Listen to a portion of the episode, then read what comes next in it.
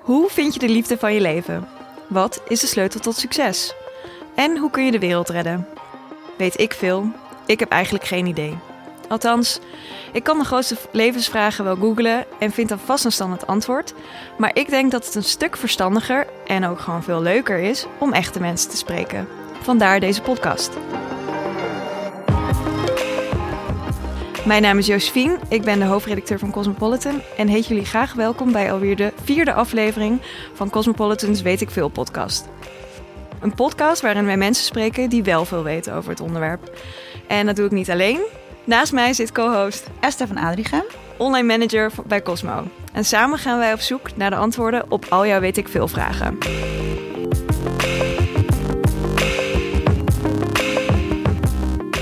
Ja, welkom allemaal dus bij de vierde aflevering alweer. In ons nieuwe nummer, met Loisa op de voorkant, vieren we het vrouwelijk lichaam met het thema This is my body and body positivity. Want we komen in alle vormen, maten en kleuren en dat is fantastisch. Daarom hebben we het vandaag over body positivity. Josephine, als eerst aan jou. Wat is body positivity? Wat betekent dat voor jou? Uh, ja, ik hier naartoe op de fiets zat ik erover na te denken. Wat is het eigenlijk voor mij? En ik denk dat ik gewoon inleidend moet beginnen dat ik uh, wil ophouden met de hele tijd bezig zijn met als ik nog vijf kilo afval, dan wordt mijn leven leuker of dan begint mijn leven.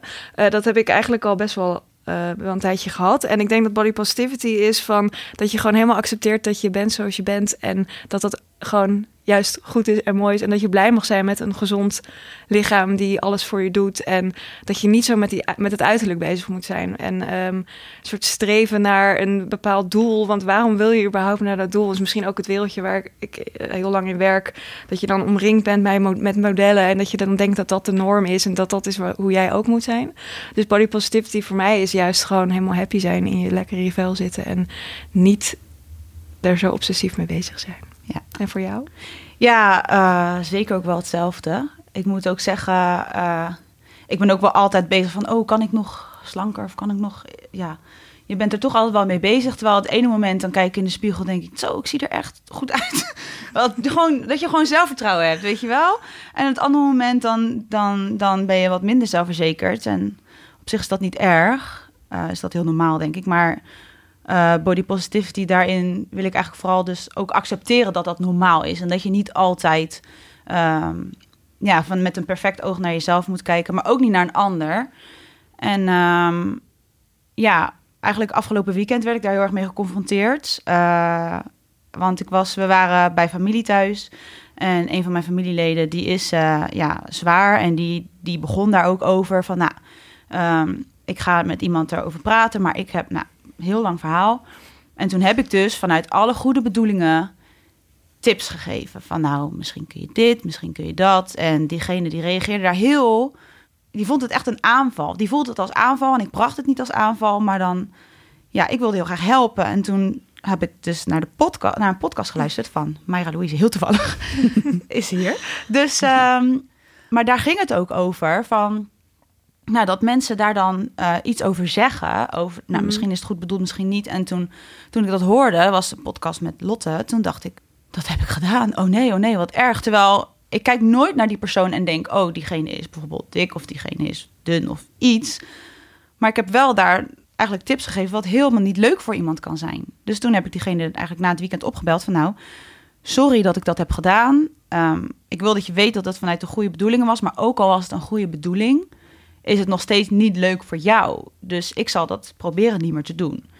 En ja, gewoon in het algemeen denk ik eigenlijk dat we met elkaar moeten proberen gewoon iedereen te laten zijn wie die is. En als iemand tips van je wil, dan vraagt hij het wel.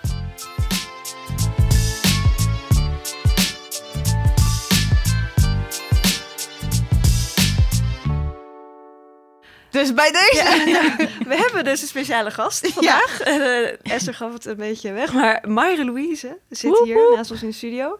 Uh, Mayra is self-love blogger, uh, model. En haar laatste boek op je lijf geschreven ligt net in de winkels. Uh, nou, vandaar is het dus de perfecte match uh, met het thema van deze maand Body Positivity. En uh, nou ja, natuurlijk welkom, Mayra. Dank jullie en wel. En gefeliciteerd met je mooie boek. Ja, dank ja, Esther heeft hem geconfiskeerd, dus die is nu als eerste aan het ja, ja, ik had jou een bericht gestuurd van... Ja. ik wil hem lezen. Ja. Um, nou, we beginnen deze podcast altijd met een kort vraagvuur. Oké. Okay. Ja, eh, we hebben dus altijd drie vragen, wat Mhm. persoonlijke vragen om een beetje het ijs te breken en je wat beter te leren kennen. Ehm, dus, ehm, wat dacht je vanmorgen toen je in de spiegel keek?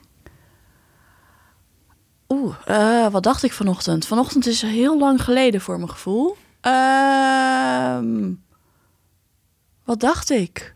Oh ja, oh je haar zit goed, dacht ik. Ik was gewoon, eh, ik had mijn haar lekker gewassen en eh, Je hebt ook mooi ritueeltje. Ja, eens. Iedereen die Gisteren stond het eh, alle, alle kanten op, behalve de goede. Dus vanochtend had ik even mijn momentje. En ehm, ja, ik was gewoon helemaal eigenlijk prima oké toen ik in de spiegel keek. Ik heb alleen twee blauwe plekken op mijn buik die ik niet kan Hmm. ehm, verklaren. Ik vind mm, blauwe Spannend. plekken op mijn buik. Ik weet ook niet wat ik heb gedaan. Waarschijnlijk iets geks tijdens mijn boeklancering vorige week of zo. Oh ja, Dus ik heb in de spiegel staan kijken zo van... Hoe komen die dingen daar? ben ik en daarna ben ik eigenlijk afgeleid of- geraakt. En ja, ben ik niet echt meer bezig geweest met de rest. maar dat is helemaal oké. want vroeger was dat heel anders. Precies. Ehm, daarnaast, waar heb je deze week spijt van?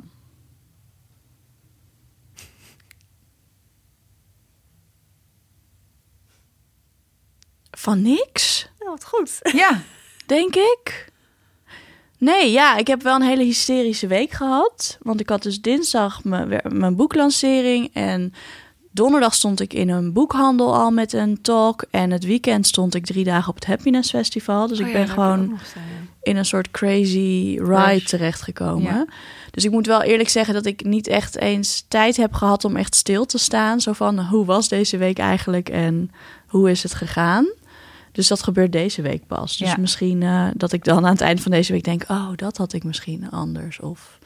Maar nee ik, nee, ik ben niet meer echt van spijt. Omdat ik vroeger dacht ik van... oh, ik heb zo lang altijd gelijnd en wat zonde. Ik heb al die jaren weggegooid voor mijn gevoel. En als ik dan nu kijk, heeft het me nu heel veel gebracht. Omdat ik het eigenlijk heb om kunnen zetten naar Mhm. iets wat nu uiteindelijk heel fysiek een boek is geworden. Ja. Dus ja, die, dat spijtgevoel is ook wel een beetje weg. ja. Omdat je daarnaast natuurlijk Ja. ook heel veel vrouwen en misschien ook mannen eigenlijk een beter leven. Ja, juist eigenlijk door mijn eigen struggle heb, kan ik nu iets betekenen voor anderen. Ja. Dus ik had heel lang zoiets van, oh, ik heb zo'n spijt dat ik dat zo lang zo heb gedaan. En nu denk ik, nee, want het is voor heel veel goed geweest. Oh, een mooi antwoord. Thanks. Ehm, waar ben je deze week het meest trots op? Op mijn boek natuurlijk. Verrassing. in Ja. koffertje. Nee, ja, dat is zo. eh, ik, ik denk dat bijna iedereen die iets met schrijven doet of liefde heeft voor boeken, heeft wel die droom om een boek te maken. Eh, dus dat het er nu is, is wel echt eh, super tof. Ja, Ja, dus daar ben ik heel trots op. Ja, ik ben Ja. nu op een derde. Ik had, het, ik had het voornemen om hem helemaal te Ja, lezen het is een dik boek. Ik had Ja. heel veel te vertellen. Ja, Ja, want een gemiddeld boek is ongeveer 60.000 woorden en dit is 80.000. wauw. Ja. Ja. Maar hij leest heel lekker weg. Dus Fijn. Tip ik ben enthousiast. Ja, tip, inderdaad. Tip. Ehm, nou ja, we hebben net omschreven wat voor ons body positivity is, of in ieder geval onze associatie ermee. Wat is voor jou body positivity als meer een expert zijnde? Nou, voor mij is body positivity eigenlijk heel erg ehm, de mix aan lijven, dus diversiteit. Mhm. En dat mijn lijf daarin ook mag zijn. Omdat vroeger was ik altijd aan het vergelijken met iets wat ik niet was. En in body positivity heb ik heel veel dingen gevonden die ik wel ben. Ja. Ehm, dus het gaat eigenlijk veel meer om allemaal verschillende lijven door elkaar heen. Ehm, en het zien daarvan, de zichtbaarheid daarvan, dan per se over mezelf. Toen ik begon ermee, was ik heel erg met mezelf bezig. Ja. Ehm, maar nu zie ik echt meer van ja, de- hoe belangrijk die movement is. En juist dat gemeenschapsgevoel wat daardoor ook ontstaat. Ja. Want wanneer is het voor jou een beetje begonnen dat je überhaupt hiermee bezig was? Nou, body positivity is denk ik nu een paar jaar terug. Ik heb het laatst teruggezocht en ik geloof dat ik die hashtag voor het eerst gebruikte in 2014. Maar ik was al wel eerder bezig met de boel omgooien bij mezelf. Het is ongeveer begonnen rond mijn dertigste. Ehm, als ik het even heel kort vertel, was ik van mijn elfde tot bijna mijn dertigste eigenlijk altijd aan de lijn. Ja. En had ik dus ook wat jij in het intro eh, vertelde. dat, dat ik het idee had van als ik afval, dan begint mijn leven pas Ja. echt. Dan mag ik dit doen, dan mag ik dat doen. Dan ga ik naar New York als model. Weet ik veel wat voor plan ik allemaal had. Maar alles was voor als ik dunner was of strakker. Of nou ja, in elk geval iets anders. Er staat denk ik bij een heleboel mensen... staan allemaal verschillende dingen op die stippenlijn Ja. met voorwaarden. Eh, en zo rond mijn dertigste begon dat te veranderen. Eh, maar eigenlijk heb ik toen eerst mijn relatie met eten aangepakt. Ehm, en daardoor kwam ik lekkerder in mijn vel te zitten. Maar een paar jaar later ontdekte ik van... Hmm, aan de binnenkant zit alles nu nog steeds schots en scheef. En toen begon pas eigenlijk het echte werk. Ja. Ehm, dus ehm, dat is ook een beetje mijn conclusie van nu... dat je eigenlijk eerst met je binnenkant aan de slag moet... voordat je dat eetdeel aan gaat Ja. pakken. Ja, want het heet dan wel body positivity, maar het is eigenlijk meer wat er in je hoofd gebeurt. Ja, het hoe is je echt naar meer jezelf en- mindset. En, Ja. iedereen kijkt. En eh, wat ik het jammer vind aan body positivity is dat het lijkt als je het nu online opzoekt een soort van heel happy en unicorns en rainbows en dansen in je ondergoed voor de spiegel. Ja. Maar als ik naar mezelf kijk, ja, die dagen heb ik, maar op de meeste dagen ben ik gewoon niet zo met mijn lijf bezig. En dat is voor mij de grote winst ten opzichte van vroeger. Ja. En dat is dan eigenlijk meer body neutrality. Ja, We hebben natuurlijk overal vragen. termen Ja, voor.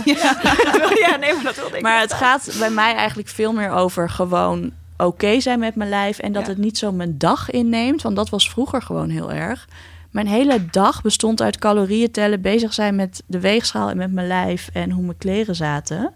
En dat is nu weg. En dat Ja. geeft gewoon vrij letterlijk ruimte om te leven.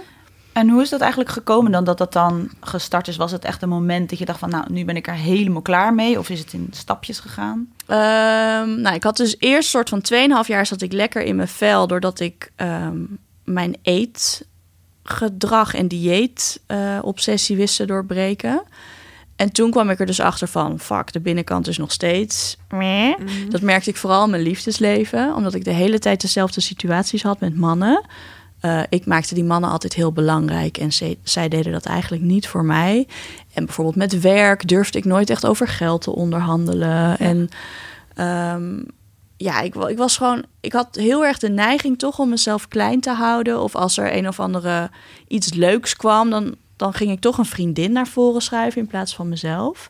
En op een gegeven moment dacht ik... Hmm, er is eigenlijk niet zo gek veel anders dan een paar jaar terug. Ehm, en toen ben ik in therapie gegaan. Ja. Ehm, waar ik echt wel een tijdje over heb gedaan voordat ik echt die stap heb gezet. Ik heb me eerst een soort van een jaar gestort in alles doen waarvan ik wist dat het niet goed voor me was. Zoals stoppen met sporten en alleen maar Gefrituurde dingen eten en eh, te veel wijntjes drinken. En gewoon zeg maar echt een beetje struisvogel. Want ik doe het lekker toch. En, ja, eh, en whatever. En ik kan nu eten zonder schuldgevoel. Nou, dat. Eh, en toen mijn hoofd weer uit het zand kwam, ben ik in therapie gegaan. En gewoon echt eens gaan kijken van, maar waarom voel ik me zoals ik me voel over Mhm. mezelf? Waar komt het nou vandaan dat ik mezelf niet goed genoeg vind? En eh, nou, dat heeft echt wel even geduurd voordat ik daar dan achter was. Maar als ik het heel kort moet uitleggen, eh, was het bij mij dat ik eigenlijk in mijn jeugd al ben begonnen met mezelf soort van onzichtbaar maken. Ja. Ehm, dat kwam bij mij waarschijnlijk doordat mijn vader niet, eh, nou ja, hij was een beetje emotioneel disconnected. En als kind heb je natuurlijk wel eigenlijk dat nodig van Ja. beide ouders liefde. En nu zie ik achteraf, oh, hij had een andere manier van dat doen. Maar als kind heb ik dat niet zo ervaren. En als je dan niet krijgt wat je nodig hebt, ga je uiteindelijk terugtrekken. Ja.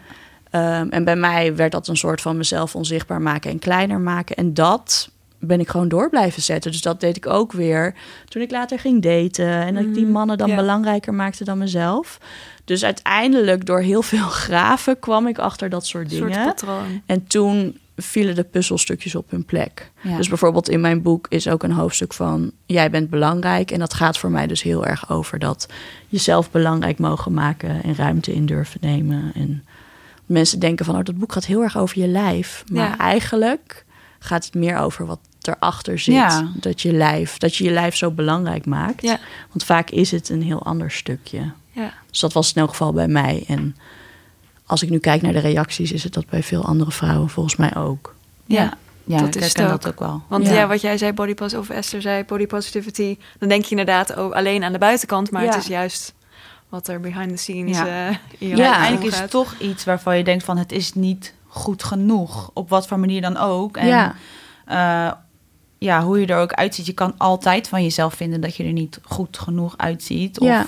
Daarnaar handelen. En nou ja, dat zie je dan ook inderdaad in contacten met anderen. En ja, als je dan rot voelt, ga je dan soms vaak eigenlijk ook weer slechter voor jezelf zorgen. Waardoor je dat ook weer terug ziet. ja, en dan vind je weer dat je daarmee eh, aan het falen bent. Ja. Want je Ja. kan niet eens voor jezelf zorgen. Precies. Nou, Mensen kunnen zo hard voor zichzelf zijn eigenlijk. Ja. Ja. Veel harder Ja. voor zichzelf dan voor een ander. Maar dat is, ja, dat Ja. is ook Ja. zo. Ik heb Ja. het ook altijd makkelijker. En dat vind ik nog steeds. Ik vind het nog steeds makkelijker om voor de mensen om me heen te zorgen. Ja. Maar juist doordat ik nu zo met dit onderwerp bezig ben, weet ik van oké, maar je moet nu ook even iets gaan doen voor jezelf. Al is het vijf minuten zitten met een theetje, Ja. doe even iets gewoon. Ja.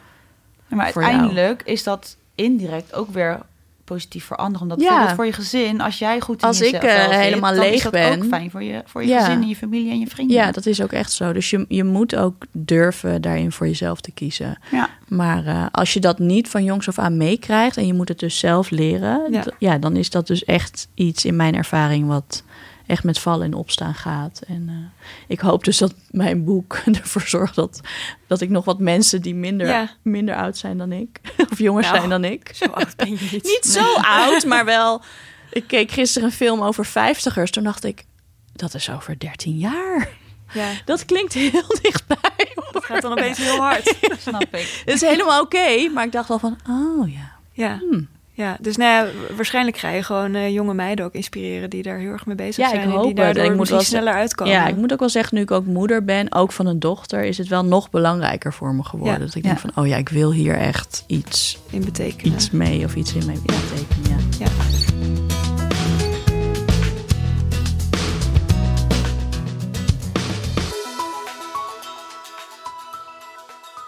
En ehm, nee, je ziet veel body positivity influencers, noem ik ze dan even misschien oneerbiedig, maar je snapt wat ik bedoel.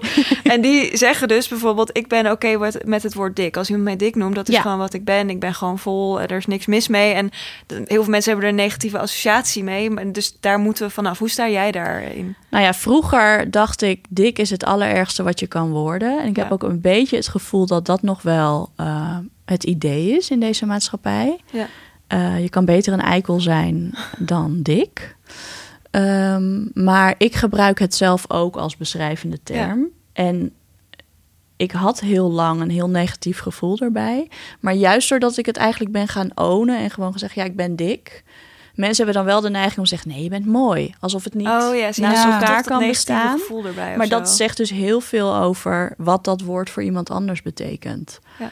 Ehm, maar mij helpt het wel om gewoon te zeggen, ja, ik ben dik. Het is En- gewoon omschrijvend van Ja. ja. ik ben lang, ik ben klein. en ik denk eh, dat hoe meer eh, vrouwen dat, en, en mannen dat op die manier gaan inzetten, hoe meer we het soort van kunnen terugpakken. Ja. Dus dat het niet meer die negatieve betekenis hoeft te hebben. Ja. Want Ja. ja. je bent dik. Ja, maar wat zegt dat nou over jou als mens? Kijk, tuurlijk zullen er mensen zijn die denken... nou, dat betekent dat je ongedisciplineerd bent en te veel eet en Mm. weet ik wat. Maar zo simpel is het niet. Nee. Nee. Ehm, dus ik denk juist dat wel de groep dikke mensen kan bijdragen door dat woord gewoon terug te Ja, pakken. dat het gewoon neutraal wordt. ja. En het andersom natuurlijk ook, want dun wordt door heel veel mensen weer als iets positiefs gezien. ja, dun dat is het, dat het ook neutraler Ja. wordt. Dus dat is het gewoon in, nou ja, dat is dan weer de body neutrality. Ja. Ja. ja, maar misschien ook mensen die dat, als ze dat woord gebruiken, bijvoorbeeld over zichzelf, dat je dan ook niet daarin ehm, een soort van tegengeluid laat horen van mooi dat ze dat zeggen. Terwijl ik merk nu zelf dat als jij dat zo zegt, het, persoonlijk raakt het mij wel. Omdat als iemand dat tegen mij zou zeggen, zou ik dat heel erg vinden. Of ik heb bijvoorbeeld een periode gehad op de middelbare school eh, dat ik eh, veel dunner was dan nu. En als ik dan mensen tegenkom en die zeggen zo, eh, je was vroeger zo dun toen de tijd. Ik vind dat heel erg als mensen dat zeggen. Nog Maar ja, steeds. dat zegt wel heel veel over die mensen. Dat, precies, dat is ook zo. En dat probeer ik me heel erg ook ehm, te bedenken van... ja, maar vind ik dat zelf ook? Ja. Want dat is het allerbelangrijkste. Ja, hoe voel vind ik dat zelf? Hoe voel ik me? Toen ik bijvoorbeeld wegging en ik keek in de spiegel... en ik voelde me goed. Wat boeit het dan wat die ander zegt? Maar het boeit me dan niet wat die ander vindt. Maar meer dat het dan toch dat stemmetje in mij zegt... ja, maar jij vindt jezelf ook wel eens dik. Dus zie je, zij zeggen het, dus het is de bevestiging. Ja, maar je? dat is ook het ding. Kijk, me- je, je ziet heel vaak dat mensen zeggen... ja, ik voel me dik. Ja, Dat zou jij bijvoorbeeld ook kunnen zeggen Ja, als je een klopt. slechte dag hebt... en je staat voor... ja, ik voel me dik. Ja, Maar dik is geen gevoel. En dat is zo belangrijk om daarom het als beschrijvende term gaan, te gaan gebruiken. Nee, ja, En ook dus niet negatief. Nee, Want dat is het ook, dus is het, doet wat een- met je, omdat je het nog in je hoofd hebt Ja. als iets negatiefs zijnde. Terwijl dat, daar moeten we dus proberen op de een of andere manier, nou met jouw boek, Ja. vanaf te komen. Dat Ja. het dus niet meer, want ik bedoel wat jij zegt, dat heb ik ook wel als ik in de spiegel kijk en dan eh, weet ik veel, is het time of the month of zo. Ja. En dan denk ik, oh, ik voel me echt dik. Terwijl, waar slaat het op? Ja, maar Ja. dat is gewoon aangeleerd. Snap je? Dat ja, is gewoon, klopt. dat hebben zoveel vrouwen en mannen op die manier gebruikt. Ja. Ik, ik ook heel lang. Alleen ja, nu ben ik zeg maar geworden waar ik altijd bang voor was. En blijkt het leven gewoon nog best wel tof. En maakt het Ja. lijf eigenlijk Echt helemaal niet zoveel uit. uit daarin. Mijn lijf doet het eigenlijk juist heel erg goed. Ja. Ja. Eh, terwijl, ja, vroeger dacht ik echt van dik, ja, dat is gewoon echt de hel op aarde. Ja. En, eh, ja, is blijkt maar helemaal niet zo. te- eigenlijk, nee, en het blijkt gewoon niet zo te zijn. Maar ik geloof wel dat het uiteindelijk, ja, nu iedereen er zo mee bezig is en zo, dat het wel echt een verandering kan brengen. Want als je bijvoorbeeld kijkt naar hoe er tien jaar geleden werd gekeken naar het vrouwelijk lichaam. En als je bijvoorbeeld mensen ziet als een Kim Kardashian, die echt heel erg die curves promoot. En natuurlijk, zij is niet dik, dat wil ik niet zeggen. Maar wel, nu is het opeens, als je volle billen hebt, dan wordt dat opeens geprezen. Terwijl vroeger wilde Ja. iedereen een klein, klein kontje. Ja. Dus Dat is natuurlijk heel cultureel bepaald van wat er op dat moment, wat het vrouwenbeeld is, zeg maar, wat geaccepteerd wordt. En Ja, het, dat het is aan het veranderen. Ja, het maar- blijft natuurlijk wel heel onrealistisch. Want volgens mij zijn de Kardashians wel een beetje geholpen ja, met hun curves. ik ja dat wel. Ik vermoed. Een paar ribben eruit. Ehm, dat is wel misschien net zo onrealistisch Ja. als eh size zero, omdat een platte buik en dikke billen, die combinatie is al best wel lastig. Ja. Dan moet je heel erg gezegend zijn als je daar Ja, worden. ja, dus dat is te gek Ja. als je dat hebt, maar de meeste vrouwen zullen dat niet hebben. Nee. Ehm, dus dat is wel weer dat ik dan denk van ja, is ook zo'n ideaal het is beeld, goed eh, of zo, maar eh, wel met een kanttekening. Zeker, ja. Ja, wat ik probeerde te zeggen eigenlijk dat het nu dus Je soort ziet van wel, mooi is. Dat ja. je dus volle billen hebt, dat dat dus ook goed is. Ja, dus Want- het is wel belangrijk dat, het, dat dat er ook komt hoor. Dat het niet alleen maar Kate Moss is, zeg maar. Wat eh, in de jaren negentig natuurlijk, of iets daarna eh, enorm aanwezig was. Ja. Maar en, want je bent een tijdje ook model geweest? Of ben je nog Ja, steeds? ik ben officieel nog steeds model, maar eigenlijk doe ik niet echt meer. Sinds mijn dochtertje er vooral is, vind ik het ook heel lastig. Omdat je als model zo beschikbaar moet zijn. En ik moet dan ook opvang voor haar. En dat Ja. praktisch gezien, denk Lukt ik dan voor een halve dag werk, vind ik het vaak heel veel geregel. Ja. Ehm, jullie merk- weten ja. dat vast wel. Weet je, als je een shoot, dan heb je misschien in deze week ergens de shoot. Ja, Ja, precies. En dan een hele dag voor een paar foto's. Dat is natuurlijk heel veel werk. Ja, Want de- merkte je toen, zeg maar, toen je in dat wereldje zat, dat iedereen ook heel erg bezig was met lichaam? Het is natuurlijk echt een wereld. Je zoekt het dan bij, bij bijna. ja, op. ik zocht het echt op. En ik denk dat dat er ook mee te maken had dat ik dus mijn bevestiging zo erg zocht bij Ja. de buitenwereld. Eh, maar ook omdat ik vroeger wel altijd te horen kreeg: Oh, je hebt zo'n mooi gezicht. Of als je dun was, dan werd je model. Dus toen ik de kans kreeg om model te worden, had ik natuurlijk wel zoiets van: Oké, dat ga ik doen. Moet ik wel dat zeggen. betekent dus dat ik mooi ben. Of Ja, want dat, dan dacht ik, oh, dan ben ik dus wel mooi. Ja, dat wil iedereen op zich wel horen. En ik was super jong. Want ik, eigenlijk kwam ik met het modellenbureau in, de, in aanmerking toen ik 17 was. Maar ik Mhm. durfde uiteindelijk niet die foto's te sturen en die afspraak te maken. Dus pas anderhalf jaar later kwam ik dat adres weer tegen. En toen heb ik het wel gedaan. Wel heel stoer dan. Maar eh, modellenwerk heb ik wel een soort van, als ik er nu op terugkijk. Ik was natuurlijk niet echt happy. Alleen ik Nee. was heel erg goed in het faken van dat zelfvertrouwen. Dus iedereen dacht dat ik super goed in mijn vel zat. Maar ondertussen verslikte ik me eigenlijk steeds meer in dat beeld wat ik daar dan Ja. neerzette op een set. Ja. En het was wel zo dat ik continu te horen kreeg: het zou beter zijn als je dunner was. Dus ook als plus-size model was ik te dik. Ja. Want ik had eh, in die periode maat 48.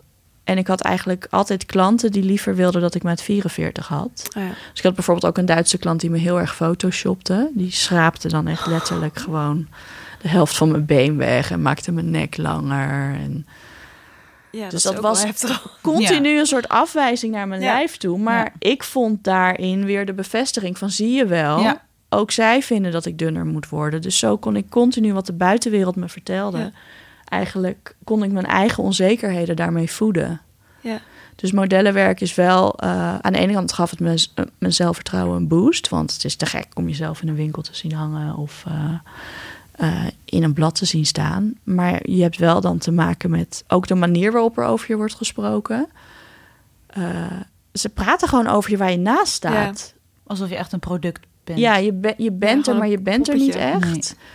Eh, en nu denk ik echt, hoe heb ik dat in vredesnaam allemaal gepikt? Maar Ja. dat komt gewoon doordat ik ook niet ja, me echt goed voelde over Ja, mezelf. Jezelf Dus ja. wegcijferde en dat gewoon Ja. accepteerde dat mensen zo over je aan het praten waren. Ja. ja. Of dan op voorhand zelf grappen ging maken over mijn lijf. Ja, om het maar voor te zijn. Want dan deed ik het maar zelf. Ja. Ja. nu denk je als je terugdenkt, oh, ik wil haar knuffelen. Ja. Maar ja, Oh, ja, part of the process was ja. het. het is allemaal ergens goed voor geweest. Ja. Nou, je deelt natuurlijk heel veel op social media en ook eh, foto's van jezelf in bijvoorbeeld lingerie. Eh, is dat, zeg maar, zie je dat als iets, een belangrijk onderdeel van waar je mee bezig bent om dat te laten zien? Of is het zonder dat je daar heel lang over na hebt gedacht, doe je dat gewoon? Of is Nee, nee, het is wel een. ehm, nou, het- ik ben daar een paar jaar terug mee begonnen. Mijn allereerste bikinifoto vond ik echt wel een ding. Toen heb ik echt wel een half uur op de wc gezeten voordat ik mentaal toe was om eh, dat dan echt te gaan doen. Ehm, maar ik doe het eigenlijk om bij te dragen aan de zichtbaarheid van dikkere lichamen. Eh, omdat ik merkte aan mezelf toen ik op social media body positivity ontdekte, dat ik helemaal niet gewend was om dikke lichamen te zien. Bijvoorbeeld in bikini Ja. of zo. Mhm. Ehm, en ik merkte dat het vaker zien van die diversiteit, ook bijvoorbeeld van zwarte vrouwen of van mensen die zich zelf anders identificeren dan man of vrouw, Ja. of dat ik dat al die dingen mij helpen om een bredere blik op de wereld te hebben, maar ook milder naar mezelf te kijken. Dus eigenlijk is het een ja, manier om daar hopelijk aan bij te kunnen dragen. Om te En- normaliseren. ik heb zelf vroeger heel erg gemist om mijn eigen lijf te zien. De enige plek waar ik mijn lichaam zag was meestal in een before foto Oh ja. van een afvalding met een afgehakt hoofd. En dan was ik de, de foto op links en daar herkende ik mijn lichaam dan in. Ja. En dan dacht ik, ja, zie je, dit is dus niet Dit goed. is dus fout, ja. Dus ja, ik hoop eigenlijk voor andere vrouwen ehm, daarin een positieve eh, bijdrage te kunnen leveren. Ja, snap ik. Ja, en ehm, je ziet natuurlijk ook heel veel buitenlandse body positivity influencers. En ik, het is gewoon cool om ook naar hun te kijken wat ze allemaal doen en zo. Maar je ziet soms ook dat er hele lelijke dingen gezegd worden. Ja, het is heel heftig. Heel Als je kijkt naar bijvoorbeeld Tess Holiday of zo. Precies. Dat is echt wow. Precies, ja. Ja. Maar heb jij daar ook wel eens last van? Of zijn... Ik krijg wel eh, eh, wat haat her en der. Ik zat net in een eh, documentaire bij Linda TV over online ja. haat. Maar wat je dan dus merkt is dat de haat toeneemt op het moment dat zo'n documentaire verschijnt. Oh, ja. Ehm, dus dat weekend, dat hij, hij kwam op vrijdag uit. En dan dat weekend krijg ik de, wel eh, aardig wat berichtjes van mensen die eh, over me heen willen kotsen. Maar op zich is het meestal wel, het valt wel mee. Ik denk dat het, als ik zeg 5%, is het misschien zelfs ruim genomen. Ja. Eh, maar meestal als ik bijvoorbeeld een interview of zo in een blad heb, of ergens eigenlijk buiten Instagram zichtbaar ben en iets zeg over dik zijn is oké, nou ja, dan eh, wordt de wereld boos en dan weten ze me te vinden. Ja. Ehm, Zo, maar het is ja. niet zoals bij bijvoorbeeld een Tess Holiday Nee. of zo. Dat op elke foto die ik post, dat daar dan shit op komt. Ja. Dat is niet zo. Maar als ik iets eh, deel waarop ik wat bloter ben, dan vaak wel. Omdat die foto's worden bovengemiddeld vaak ge- m- Gelijk, dus die worden Ja. Dus die gaan dan soort van uit mijn eigen Precies. bereik. Ja, Dus die komen in die explore feed en dan gaat het eigenlijk meestal wel mis. Ja. ja. Eh, dus ja, Doet dat ook wel nog iets met je of kan je het wel loslaten? Eh, in het begin vond ik het heel lastig en ook wel heel kwetsend. Maar nu maken die opmerkingen me eigenlijk vooral duidelijk hoe nodig het is dat ik mijn Ja. mond blijf opentrekken. Omdat er zijn gewoon mensen die dit in hun directe omgeving hebben. Ja. Kijk, voor mij is het iemand die ik niet ken, die komt iets vertellen over mij. En die zegt dan, ja, jij wil dat iedereen dik wordt. En dan denk ik, ja, je lult gewoon echt heel dom nu. Dat slaat helemaal nergens op. Of ja, natuurlijk, het, het on- de, je bent ongezond verwijt. eh, krijg ik eh, 9 Ja, want dat keer. was ook wel een van, van onze Ja. vragen. Van wat, wat is jouw, zeg maar, hoe vind je dat? Dat mensen dat zeggen van ja, maar als je eh, dik bent, dan ben je te, dan ben je te dik. Dus Ja. met het woordje te. Dat is slecht voor je. En, Ja, ja, ik ben een ongezond voorbeeld. Ja. Ehm, kijk, ik geloof niet dat eh, iemand die dik is per definitie ongezond is en Mhm. iemand die dun is per definitie gezond. Ik denk dat het een stuk genuanceerder ligt. En mijn boodschap is niet laten we met z'n allen lekker alleen nog maar gefrituurde dingen eten en samen dik worden. Mijn boodschap is juist ga voor jezelf zorgen, maar misschien niet met een dieet Ja. als dat je hele dag overneemt. Maar ga op zoek naar balans Ja. en wat kun je doen om gewoon goed voor jezelf te zijn. Ehm, maar ja, mensen zien als ze naar mij kijken dan een dikke vrouw. Ik, ja, ik weet niet. Ik, mijn lijf doet het heel erg goed. Ja. Ik zorg er zo goed mogelijk voor. Ehm, maar ik denk wel dat ik bijvoorbeeld door het jarenlange lijnen nu dikker ben dan Als je dat niet had gedaan. dan als ik nee als ik dat niet nee ik denk ik denk wel dat ik wat steviger was geweest maar ik weet niet of ik echt dik zou zijn geworden maar ja Door dat crash eh, diet. Ja, eh, gewoon als je doet je 20 lichaam jaar dan lang, juist meer eh, kwaad honger laat leiden Ja. ja, dat, dat je ziet ook dat eh, mensen die extreem veel afvallen dat het heel vaak gebeurt dat ze ook weer aankomen Ja. en dat het er dan echt niet meer afgaat Nee. omdat je lijf zo'n opdonder krijgt van die verandering en gewoon die soort van hongersnood die er eigenlijk ontstaat Ja, dat ja, het is, het is sowieso gewoon ook heel ingewikkeld. Ja, het is een heel En, ingewikkeld eh, onderwerp. je bent niet, in elk geval, je bent niet alleen maar dik eh, door alles wat je eet. Ja. Het, kan, het kunnen gewoon genen zijn of eh, hoe je opgroeit of je sociaal-economische situatie, Ja. medicijnen, stress. nee, en dat is ook de associatie met dun is gezond en dik is ongezond. Ja, En terwijl het- dun het kan is- ook een eh, drugsverslaafde Nee, maar jij kan ook Oh, ja. elke avond op de bank zitten en alleen maar roze crap eten. En dan lekker. nog ben je het, het voorbeeld van een gezonde vrouw. Ja. En pas je in dat plaatje. Ja. Terwijl ik misschien wel elke dag een groen sapje drink. Ja, Maar nee, ik ben dik, dus ongezond. Dus Ja. ik geloof niet zo in, die, eh, in dat het zo zwart-wit is. maar hebben artsen dan ook niet een rol om daar dat, dat te doorbreken? Ja, en dat, maar dat is dus iets ehm, waar nog echt wel hard aan gewerkt eh, moet worden. Ik weet dat eh, Tatjana toevallig vandaag op een congres Mhm. sprak.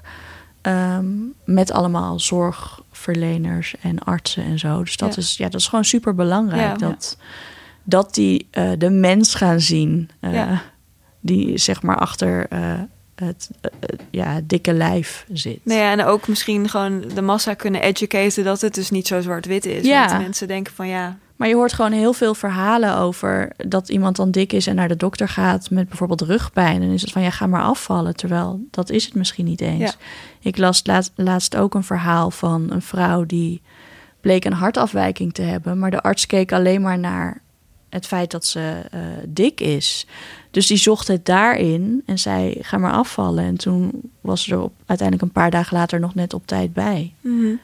ja, En die hartafwijking had niks te maken met haar gewicht. Dus dan denk ik, ja, dat is de medische wereld ook. Dus dat is wel heel, eh, heel heftig. Ja. Ik heb zelf gelukkig niet dat soort ervaringen gehad. Maar ja, doordat ik zo in die community zit, krijg je het wel allemaal mee. Ja. En dat, is- ja, dat kan gewoon niet. Nee. En hoe artsen het benaderen is denk ik deel van het probleem. Want als een arts zegt van ja, er is een eh, obesitas-epidemie... en dat staat dan in een krantenkop, ja... Ja.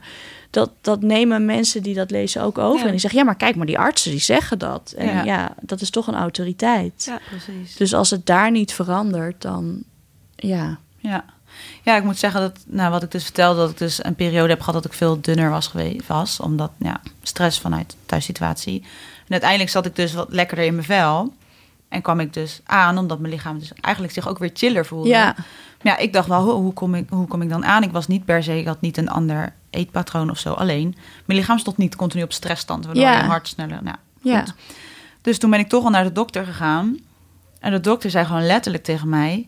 Ja, iedereen wil wel een reden dat je misschien eh, aankomt... en wil een reden horen, lekker makkelijk... maar je moet gewoon niet zoveel pizza en patat vreten. en daarmee ben ik dus weggestuurd. ja. En toen dacht ik wel van... oh ja, misschien eet ik wel niet, niet goed... en misschien dit en dat. En dan heb ik echt wel, ja... Maar dat is het ding, weet je, Is zo- ook een, is ook een, ja, wel een moeilijk ding natuurlijk. Ja. Want wat is nou eigenlijk gezond? Ja, maar dat weet je ook helemaal niet meer. En- nee. Als je kijkt naar weet ik hoeveel boeken er over zijn en wat wie zegt en keto dit en geen koolhydraten en eiwitten Ja. moet je niet combineren met nou sommige kinderen weten niet eens hoe groenten eruit zien. Nee.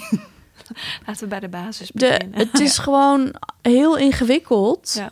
Ehm, en er is, wordt zoveel over gezegd dat niemand eigenlijk meer weet wat nou gezond is. Precies. Ehm, dus ik denk ook wel dat dat zeker meespeelt. Dat sommige mensen ook echt niet weten hoe ze voor zichzelf kunnen zorgen op het gebied van voeding. Ja. Nee, Ehm, dus ja, het is echt heel gelaagd. snap ik. Ja. Maar ehm, nu over dat body positivity en je bent nou wel een, ja, mensen zien jou wel als een echt een expert en zo daarin, maar het kan natuurlijk niet inderdaad wat je zei dat je altijd als een unicorn blij voor de spiegel staat te dansen. Het kan misschien, Ja, maar misschien. bij mij is het niet Nee. zo. Maar heb je zelf ook nog wel eens momenten dat je dan toch ja, wat minder eh, positivity gedachten over jezelf Tuurlijk. hebt? Of, eh, Nee, zeker. Ik heb het heel erg bewust weer ervaren eh, na mijn bevalling. Ehm, om, ja, je lijf is dan gewoon anders. Mhm. En je kijkt in de spiegel en denkt... oh, ik heb niet meer die verhouding van mijn taille en mijn heupen. Ik had altijd echt een extreem verschil tussen mijn taille en mijn heupen. En dat is nu gewoon wat minder. En mijn kleding zit dan net even anders. En ja, toen had ik ook weer dat ik dacht... oh ja, ik moet, ik moet echt weer drie keer in de week gaan sporten. En eh, misschien ja, moet ik gewoon weer gaan weight watchen. Ik heb het gewoon gedacht ja. omdat ik me zo raar voelde in mijn lichaam. Ehm, dus het is echt niet zo dat als je het weet te doorbreken, dat je nooit meer eh, gegroet wordt door je oude gedachten. Nee. Eh, alleen ik heb er niks mee gedaan. Dus de manier waarop ik ermee omga is anders dan vroeger. Want vroeger was ik dan meteen weer naar eh, de dieetclub of weet ik wat gestapt. En nu denk ik, geef jezelf maar gewoon even tijd en probeer goed voor jezelf te zorgen. En dan komt het wel. Precies. En dat heeft ook gewoon gewerkt. En ik merk nu, kijk, ik, ik heb een kindje gekregen en toen vrij kort daarna kreeg ik die boekdeal. Dus het was Ja. sowieso best wel heftig. En ik heb best wel moeite gehad met voor mezelf zorgen in die periode. Dus ik merkte ook dat ik wat aankwam. Ik was afgevallen tijdens mijn zwangerschap. En in het eerste jaar na mijn bevalling kwam ik aan. En nu zit ik weer in wat rustiger vaarwater. En merk ik dat ik gewoon afval zonder daar echt mee, Mee bezig, bezig te zijn. Gewoon omdat het me nu beter lukt om voor mezelf te zorgen. En dan Ja. vormt mijn lijf zich daar dus ook weer naar. Precies. En wat is voor, voor goed voor jezelf zorgen? Hoe ziet dat, dat bij jou eruit? Mm, Nou ja, dat wisselt heel erg. Ik geloof dat eh, elk moment eh, kun je eigenlijk wat anders nodig hebben. Soms is het gewoon even een stukje wandelen. En soms gaat het meer over wat stop ik in mijn mond en hoe zorg ik dat ik energie heb. Bijvoorbeeld in hele drukke periodes. Ehm, en als moeder is het best wel pittig. Want je Mhm. staat gewoon heel erg in dienst van, eh, van je kind. Ik had net, dacht ik even gezellig... samen met mijn vriend en mijn dochter een ijsje eten. En ze kreeg de eerste tantrum ooit. Oh, oh. Met bakjes ijs die over, over straat vlogen. En een huilend kind. Gewoon één hele Haarlemmerdijk lang naar huis. Het was ineens een heel lange straat. Dus dan denk ik ook... eh, en dan kom ik hier ook helemaal gewoon met een piep in mijn hoofd eigenlijk de studio binnenlopen. Dus dan is mijn selfcare ook ver te zoeken. Maar dan ga ik vanavond bijvoorbeeld proberen van... oké, pak er even een rustmomentje. Probeer wat te mediteren of in je dagboek te schrijven. ehm, en gewoon op te laden. Ja. Maar het wisselt echt per dag wat ik nodig heb. En ik geloof dat selfcare echt gaat over wat je kan doen voor jezelf om het leven te leiden dat je wil hebben of dat je nodig hebt. Mhm. Eh, dus selfcare is soms ook dat je de dingen moet doen waar je geen zin in hebt. Maar dat je wel weet, als ik het doe, dan ben ik blij en voel ik me beter en heb ik meer ruimte gecreëerd voor mezelf. Ja. Je ziet online het heel erg voorbij komen als eh, lekker mijn nagels gedaan en naar de kapper, selfcare. Ja, maar eigenlijk gaat het voor mij meer over dingen die eigenlijk niet eens geld kosten. Ja, de kleinere dingen. Maar Die gewoon die wel heel erg impact hebben op hoe je leven is en hoe je in dat leven ruimte maakt voor jezelf. Ja. Dus het gaat voor mij eigenlijk veel meer over hoe ik mijn dag begin of hoe ik mijn dag eindig.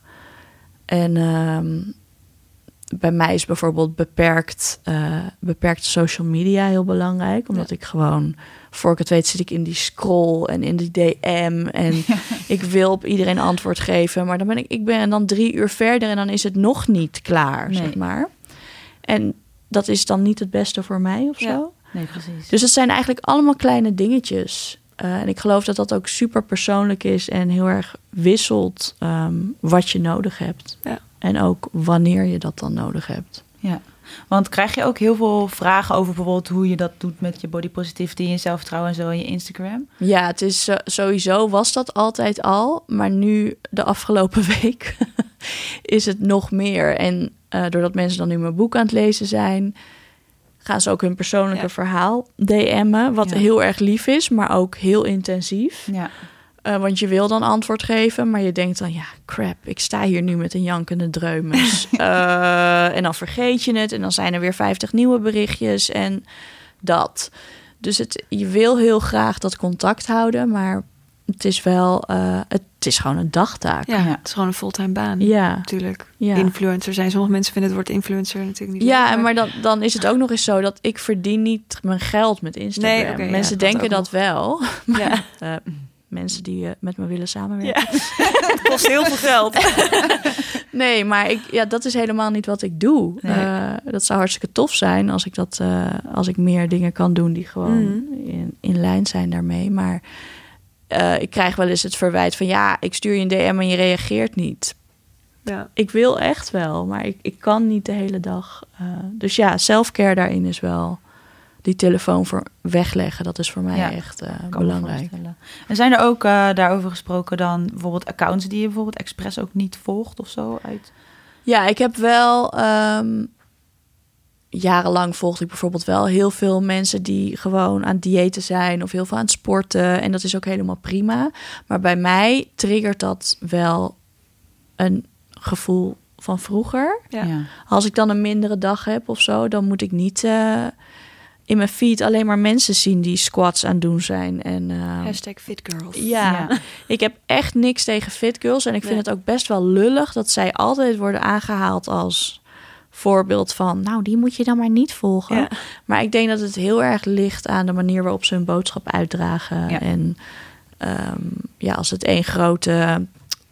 neem nu dit en dan voel je beter eh, is... Of eh, afslank, slankdrankjes afslankdingen, en, ja. dan ja, bij mij eh, gaat dat gewoon niet zo goed Nee. in mijn hoofd.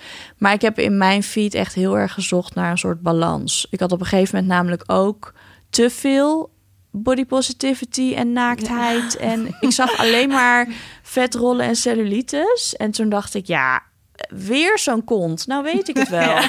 Dus ik moest echt... Ik heb wat plantenaccounts toegevoegd. en, wat, en kristallen. En heel goed. veel illustrators. En eh, ja, ook gewoon mensen die helemaal niet... eh, mensen, eh, zeg maar, personen, foto's delen.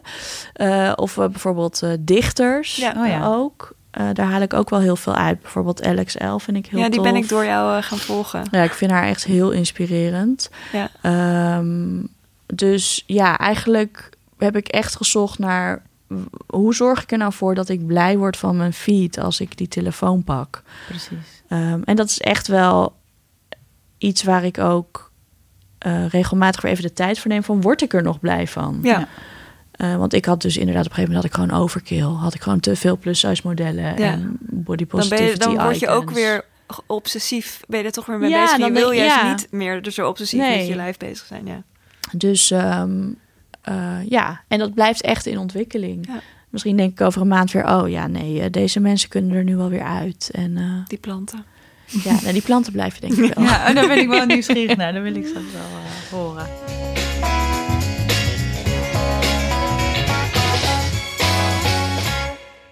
Over nieuwsgierigheid gesproken. Op de redactie, toen we je boek binnenkregen, kregen, Ja. Waren de mensen allemaal enthousiast. Oh, dat is dat boek. En eh hadden natuurlijk veel ook in de media en zo over gezien. Ehm, en vooral enthousiast toen we vertelden dat je onze nieuwe podcastgast bent. Dus ehm, ja, onze mensen op de redactie wilden heel graag wat van je weten. Oh, Dus hebben we eh, ja, die vragen eigenlijk genoteerd. En de vragen, of de eerste vraag die het meest naar voren kwam, was eigenlijk: wat is jouw ultieme zelfvertrouwen tip? Ehm, nou, als je meer zelfvertrouwen wil, moet je de dingen gaan doen die je eng vindt. Mensen verwachten dat ik dan nu iets ga zeggen over je lichaam of whatever. Uh, maar nee, ik heb de afgelopen jaren heel bewust uh, ben ik ja gaan zeggen tegen dingen waarvan ik dacht: oké, dat is eng, dat ga ik doen. Ja. Dat, zoals bijvoorbeeld afgelopen weekend stond ik dus op het Happiness Festival. Ik had nog nooit op een podium gestaan of een talk gegeven. Ja. En ik had natuurlijk ook geen idee van, komen er dan mensen naar mij? Weet ik niet. Dan word je natuurlijk ook ineens weer onzeker. Uh, er kwamen mensen. um, maar ik had gewoon zoiets van: oké, ik vind dit heel eng, maar ik ga het wel doen. Omdat ik weet dat ik dan achteraf ben ik trots dat ik het heb gedaan. En voel ik me meer zelfverzekerd over de situatie Mayra op een podium.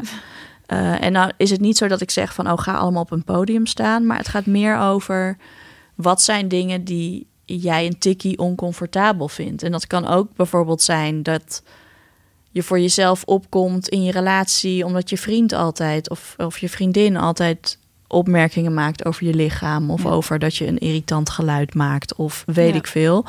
Of dat je zegt tegen je moeder: Ja, nee, ik wil toch niet uh, elke avond eigenlijk appen of bellen. Gewoon, het gaat ja, weer eigenlijk die ruimte voor jezelf. Ja. Um, wat, ja, wat kun jij doen om, om jezelf beter te voelen? En wat zijn de dingen ook waar we het eerder over hadden, die die je eigenlijk wil doen in je leven. Mhm.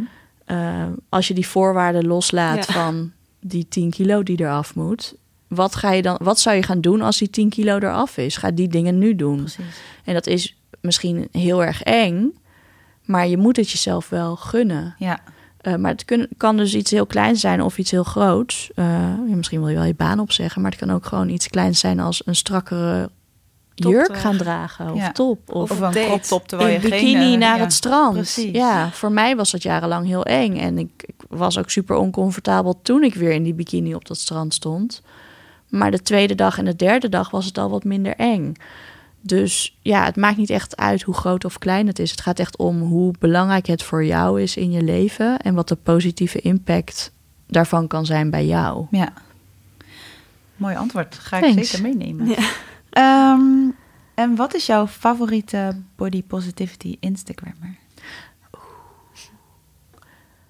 Ja, jemig, dat kan ik natuurlijk niet zeggen, want er staan een heleboel vrouwen in mijn boek. Oh ja, iedereen in mijn boek. Nee, sowieso iedereen in mijn boek. Um, maar dat zijn overigens niet per se vrouwen die alleen maar met body positivity bezig zijn. Uh, maar wie dat wel heel bewust doet, is Lotte van Eyck. Die staat ook in mijn boek. En zij heeft echt gewoon echt zo'n scheid aan alles mentaliteit. Wat natuurlijk niet zo is, maar zo zet ze zich wel neer. En ik mm. vind dat echt heel tof hoe ze dat doet. Ook omdat zij, uh, je ziet natuurlijk bij body positivity wordt ook wel heel erg uh, het lijf gevierd wat in verhouding is. Dus wel dikke billen, maar dan een dunnere buik. En um, dat, dat is het lijf wat je soort van het meeste ziet. Zeker mhm. bij plus-size modellen. En zij heeft bijvoorbeeld juist dat het bij haar wat meer op haar buik zit. En dat laat ze gewoon zien. En dat vind ik gewoon heel erg goed. Dat ze gewoon zegt van ja, als ik zit, ja, dan ziet het er zo uit. En ik vind dat heel verfrissend dat ze niet um, bezig is met haar lijf dan op een bepaalde manier draperen, waardoor ze dan toch aan dat zogenaamde ideale zandloperfiguur uh, voldoet. Um, want dat is nog steeds wel, zelfs bij body positivity, als je dat opzoekt online, mhm. dan zie je dat figuur het meest. Terwijl het eigenlijk gaat om al die lijven die daar niet op lijken. Uh, die zouden meer gezien moeten worden. Dus dat, daar draagt Lotte heel erg aan bij. Dat vind ik heel tof. Ja. Um, verder um, zijn er gewoon een paar accounts die ik heel erg inspirerend vind, omdat ze meer um, ja, soort van educate uh, mm functie hebben. Zoals bijvoorbeeld, ik weet niet hoe je het uitspreekt, Dana Sucho of zo. Zij was ooit die chick die behaarde, de, behaarde benen had en dat haar toen had laten oh, staan. En toen was ze wereldnieuws. Ja, we toen ook over En zij doet uh, nu specifiek dingen die zich richten op kinderen. Dus hoe kun je kinderen nou uh, meer body positive laten zijn? Dus dat vind ik gewoon super tof en heel belangrijk. Eh, en Body Posy Panda is natuurlijk altijd Ja, eh, te gek. En zij is echt een heel leuke chick. Ja. Dus eh, ja, er zijn er gewoon superveel. Ik heb een hele waslijst Ja, in mijn, misschien eh, moeten mensen juist in jou, wat jij volgt, moeten ze even checken. Ja, of even, misschien moeten we even het, het, het kadertje uit mijn boek of zo. eh. ja. er Oh, zijn heel veel, er zijn gewoon heel veel toffe vrouwen. Ja. Ja. Ehm, nou ja, tot slot. Eh, we zijn alweer aan het einde gekomen. Ging snel. Ja. Ehm, nou ja, eigenlijk heb je dus net al Instagram tips gegeven. Maar wat is jouw ultieme body positivity tip voor onze luisteraars? Als in een boek, behalve je eigen boek natuurlijk. of een film of iets wat je geïnspireerd of geholpen heeft. Eh, nou, qua boek moet iedereen, los van mijn boek, het boek van Tatjana gaan lezen. Knap voor een dik meisje. Ja. Eh, dat gaat echt heel specifiek over hoe is het nou om dik te zijn? Hoe is het als je je hele leven dik bent? Hoe kijk je dan naar jezelf? En ehm, hoe kijkt de wereld naar jou? Ehm, en eh, qua tv-serie zou ik willen zeggen, ga kijken naar Shrill. Ehm, die gaat eh, ook, eh, ja, die is ook wel gelinkt aan body positivity en diversiteit. En hele leuke serie. En waar kun je die vinden? Ja, ik heb hem gestreamd illegaal. Ehm, dit, eh, hier zijn wij natuurlijk niet achter. ik weet niet of die ergens in Nederland eh, eh, binnenkort, eh, ik hoop het wel. Er zijn ook maar zes afleveringen. Oké. Oké. Eh, maar je kan hem kijken op Hulu of zo. Maar volgens Oh mij, ja. hè, ik Oh ja. weet niet of wij Ja. dat hebben. Mm, Waarschijnlijk niet. niet. Maar Nee, we hebben wel iets anders nieuws. Maar Hulu hebben we niet. Nee, Nee, hè? Amerikaans. Nou ja. Ja. Shrill En? dus. Shrill is heel tof. Als ja. ik het even mag aanvullen, ik eh, heb jouw podcast dus beluisterd. Oh ja, die moet je natuurlijk ook checken. Ja, zeker. En voor de, ja, ehm, ik vond het echt een eye-opener op heel veel gebieden. En ik heb echt, eh, nou, ik heb nu alle drie de afleveringen geluisterd. Er komen er En nog twee. Ja, ik ben heel benieuwd. En ja, ik vind dit wel echt een tip voor de luisteraars als je meer wil weten over body positivity. En Ja, zeker. over eigenlijk zelfbeeld, zelfliefde, alles daaromheen. Vind ik jouw podcast echt een hele mooie en echt een tip. Thanks. Als iemand mijn sponsor wil worden. Ja. Slide in her Maar ja, ja, Ja. nee, ik, wil, ik vind het, vond het zo leuk ook om die te kunnen. Leuker dan ik dacht. Mhm. Want ik dacht, podcast, podcast. Maar ja, nu zit ik ook in een podcast. Maar ik vind het echt super tof om, eh, om te doen. En eigenlijk mijn werk als journalist op een andere, ja, Ja. op een andere manier eh, weer in, eh, nou ja, in, in de picture te zetten. Dus eh, ja. Ja. ik wil heel graag door. Eh, nou ja, voor iedereen die aan het luisteren is, bedankt voor het luisteren naar alweer onze vierde aflevering van Weet ik Veel. En bedankt Mayra uiteraard voor jouw fijne Thanks, superleuk dat ik er mocht zijn. Ik denk dat heel veel meiden hier iets aan hebben en het eh, heel inspirerend is. Ehm, nou, als je vragen hebt naar aanleiding van deze uitzending of vragen voor de volgende gast, eh, kun je een DM sturen via Cosmopolitan's Instagram. En we delen ook via Cosmopolitan's Instagram de aankomende thema's en gasten, dus houd die vooral in de gaten. Eh, bedankt en tot de volgende Weet ik Veel aflevering. Dankjewel. Bye!